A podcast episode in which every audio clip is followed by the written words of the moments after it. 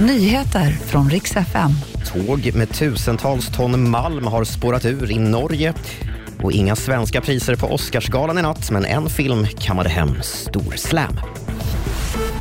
Vi ska börja med att ett tåg med runt 6 800 ton järnmalm från gruvan i Kiruna har spårat ur i Narvik i norra Norge, det meddelar LKAB.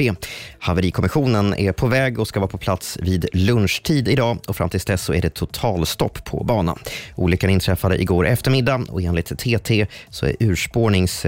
Anledningen ska säga, till olyckan är ännu oklart så ska jag berätta att amerikanska myndigheter har beslutat att stänga ytterligare en bank. Den New York-baserade kryptobanken Signature Bank är det som får stänga.